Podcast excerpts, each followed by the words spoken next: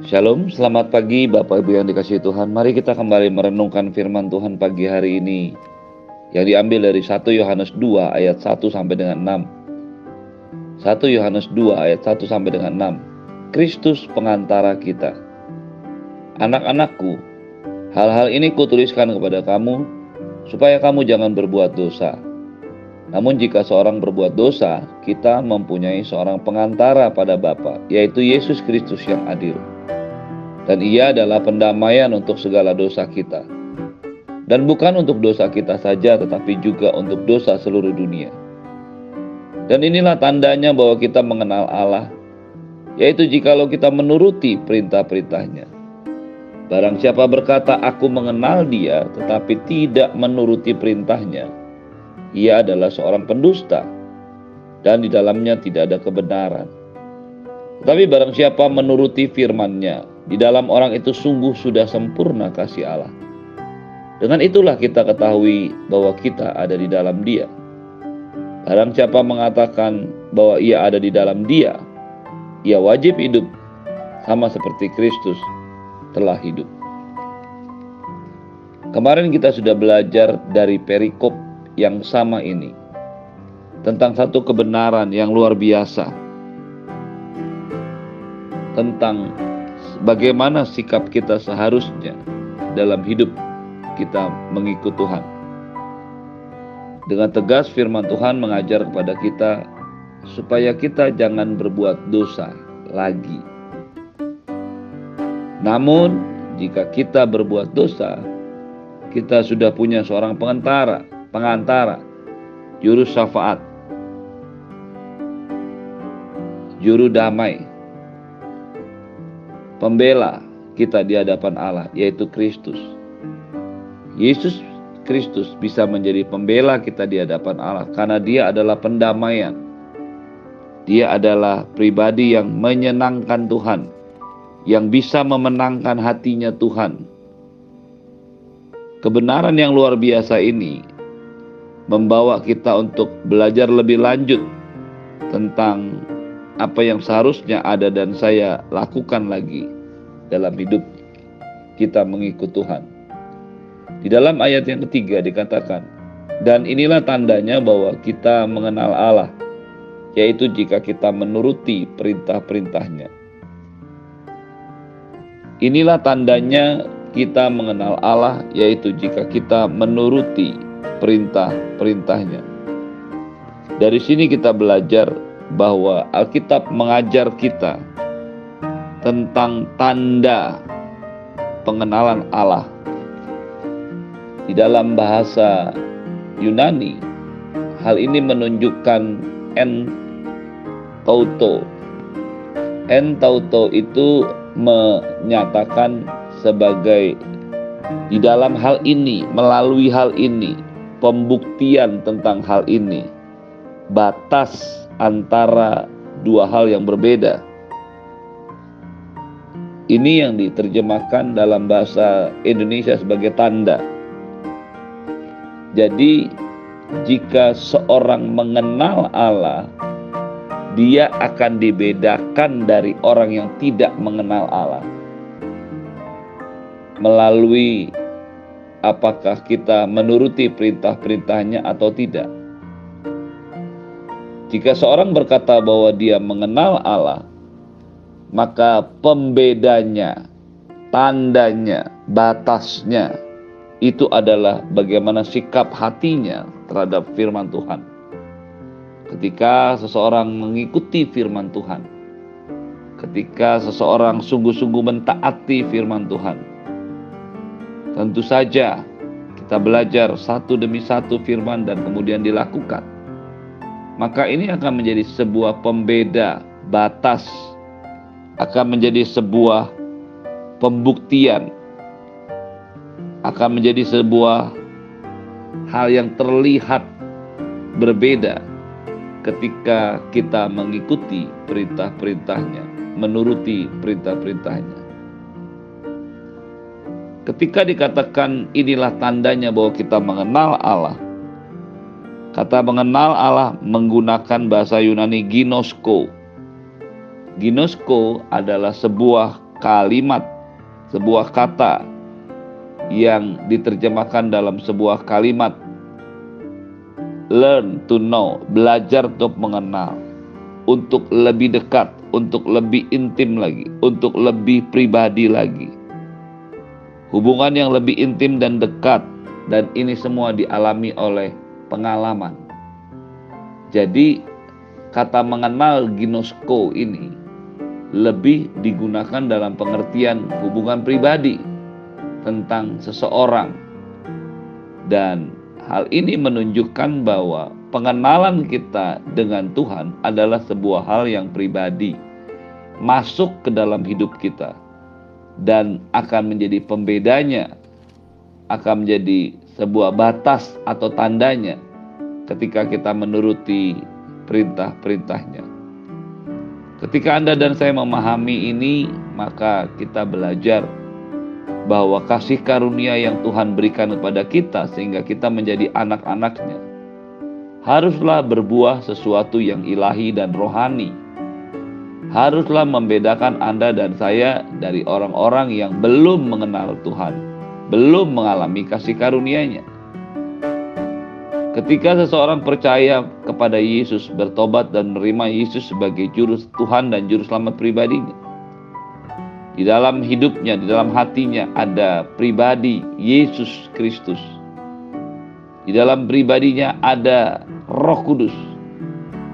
Dan Roh Kudus atau Roh Yesus yang ada dalam diri kita ini yang menjadi pembeda kita dari orang lain dibuktikan dengan sikap dan kecenderungan kita untuk melakukan firman-Nya. Ketika seseorang berkata bahwa dia mengenal Allah secara pribadi, ginosko Tuhan. Tetapi dia tidak punya pengalaman bersama dengan Tuhan. Tetapi tidak punya kedekatan, keintiman dengan Tuhan. Maka yang dikatakan dengan pengenalan akan Tuhan hanyalah sekedar tahu. Kata tahu berbeda dengan mengenal. Tahu hanya bisa sambil lalu. Saya sebagai contoh, kita bisa tahu tentang satu kota di Amerika, Washington DC. Kita bisa tahu informasi tentang kota ini. Tetapi kita belum pernah ke sana. Ini bukan Ginosko. Ketika kita tahu yang namanya Presiden Rusia, Putin, karena sedang terkenal. Kita bisa membaca tentang dia, informasi tentang dia. Tetapi kita tidak ginosko dia. Belum pernah ketemu langsung, belum pernah berhubungan langsung, berbicara, belum pernah makan bersama-sama, belum pernah pergi bersama-sama, maka itu bukanlah sebuah pengenalan, tetapi pengetahuan.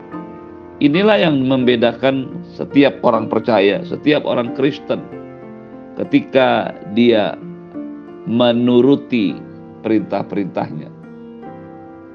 Dari sini kita belajar bahwa menjadi orang Kristen, menjadi orang yang percaya pada Yesus, menjadi orang yang mengenal Tuhan, akan dilihat dari perbuatan-perbuatannya terhadap firman, menuruti perintah-perintahnya. Tentu saja ini tidak berhubungan dengan keselamatan yang kita terima. Tetapi ini merupakan sebuah akibat langsung dari sebuah pengenalan kita kepada Tuhan. Ketika kita ginosko, ketika kita mengenal Tuhan, punya hubungan pribadi dengan Tuhan, maka pastinya kita akan menuruti perintah-perintahnya. Pastinya kita akan belajar taat untuk lebih lagi melakukan firman Tuhan. Mungkin tidak sekaligus, tetapi ada satu kecenderungan, ada satu pikiran, ada satu perasaan untuk taat kepada Tuhan, untuk taat kepada firman Tuhan. Kasih karunia yang Tuhan berikan kepada kita melalui keselamatan yang membawa Yesus dan Roh Kudus tinggal dalam hidup kita. Sekali lagi, haruslah dibuktikan dengan sikap hati kita untuk menuruti perintah-perintahnya. Barang siapa berkata, "Aku mengenal Dia, aku ginosko Dia," tapi tidak menuruti perintahnya, ia adalah seorang pendusta dan di dalamnya tidak ada kebenaran. Tidaklah mungkin seseorang yang berkata dia mengenal Tuhan, punya hubungan pribadi dengan Tuhan, punya hubungan intim dengan Tuhan, tetapi tidak mau menuruti firman-Nya. Dia masih hidup dengan cara hidupnya sendiri. Dia masih hidup dengan kata-katanya sendiri. Dia masih hidup dengan perasaannya sendiri. Dia masih hidup dengan kecemasannya sendiri. Dia masih hidup dengan sakit hatinya sendiri dia masih hidup dengan hati yang terlalu sensitif. Orang-orang yang demikian, pribadi-pribadi yang demikian, sejatinya belumlah mengenal ginosko Tuhan, lebih intim dengan Tuhan. Ketika Anda dan saya menyadari kita punya pengalaman dengan Tuhan, kita punya hubungan pribadi dengan Tuhan, maka pastinya, pastilah kita akan punya satu keinginan, kerinduan untuk taat kepada Tuhan. Kita bisa mengenal Allah. Kita bisa mengenal apa yang Dia kehendaki bagi hidup kita. Dan kita bisa tahu apa yang kita kenal.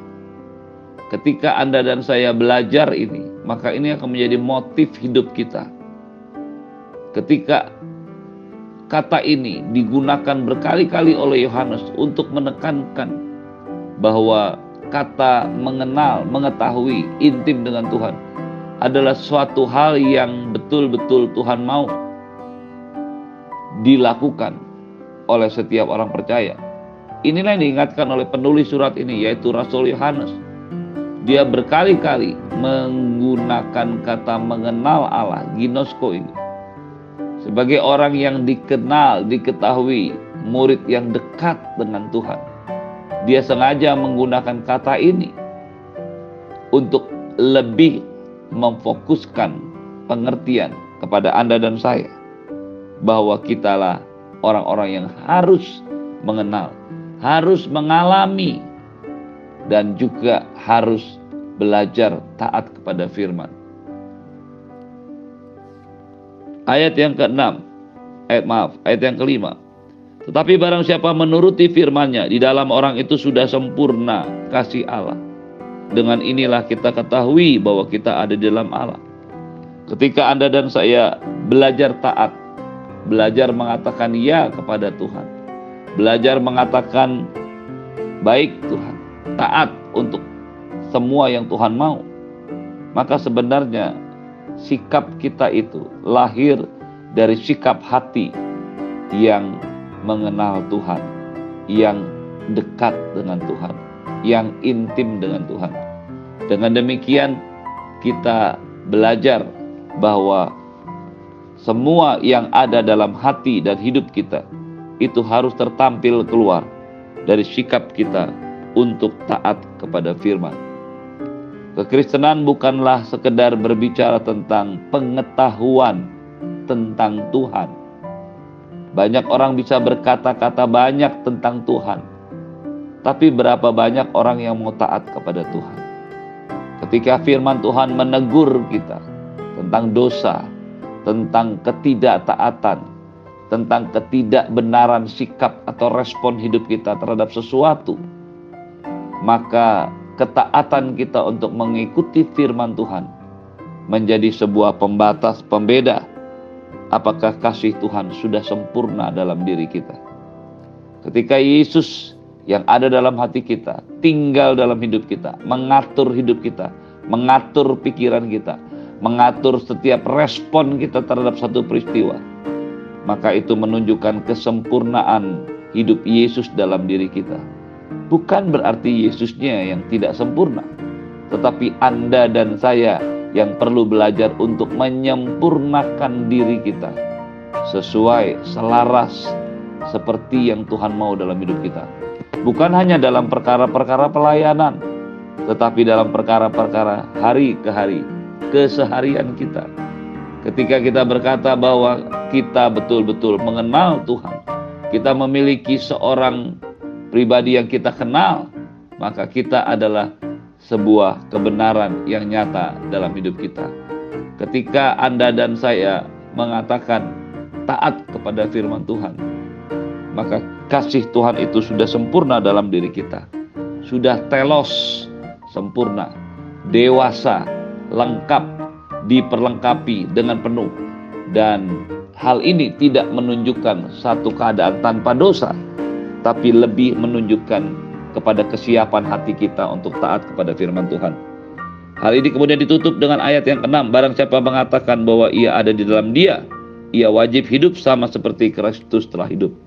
Ketika Anda dan saya mengatakan kita ada di dalam Tuhan dan Tuhan di dalam kita, maka sudah merupakan kewajiban, sudah merupakan sebuah hoto, sebuah keharusan, kewajaran untuk kita hidup seperti Kristus. Itu sebabnya Yesus lahir ke dalam dunia, bukan hanya mengampuni dan menebus dosa Anda dan saya, tapi dia menjadikan dirinya sebagai sebuah contoh hidup yang bisa Anda dan saya tiru, lakukan, dan ikuti. Dialah Yesus Tuhan kita. Tidak ada alasan lain, tidak ada pengecualian bagi Anda dan saya yang mengatakan ada di dalam Tuhan, mengenal Tuhan. Kita wajib hidup sama seperti Yesus telah hidup dalam setiap keadaan, dalam setiap peristiwa, dalam setiap tempat. Terimalah berkat yang berlimpah dari Bapa di surga, cinta kasih dari Tuhan Yesus, penyertaan yang sempurna daripada Roh Kudus, menyertai hidupmu hari ini dan sampai selama-lamanya. Di dalam nama Tuhan Yesus semua yang percaya katakan, amin. Shalom, selamat pagi, Tuhan Yesus berkati.